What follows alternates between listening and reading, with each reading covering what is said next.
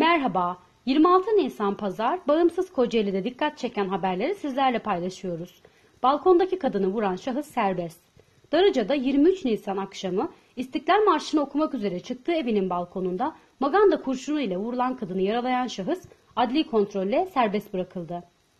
İzmit Belediyesi'nin bayrakları kesildi. İzmit Belediyesi'nin İstiklal Caddesi'ne astığı bayraklar kesildi. Bu görüntüleri sayfasında paylaşan DSP İl Başkanı Halim Bedoğlu sert tepki gösterdi. Kocaeli'ye kağıt fabrikası kuruluyor. Seka kağıt fabrikasının kapatılmasının üzerinden uzun yıllar geçti. Şimdi Kocaeli'ye yeni bir kağıt ve karton üretimi yapacak fabrika kurulacak. Bu fabrikada 75 kişi istihdam edilecek. Bankalar Kocaeli'deki taşınmazları haczediyor. Kocaeli'de son yıllarda artan haciz miktarını sık sık haberleştiriyoruz. İcra dairelerinin yanı sıra Kocaeli'de bankalarda haciz yoluyla alacaklarını tahsil ediyor. İl Sağlık Müdürlüğü yeni atadığı 194 kişiyi çağırdı.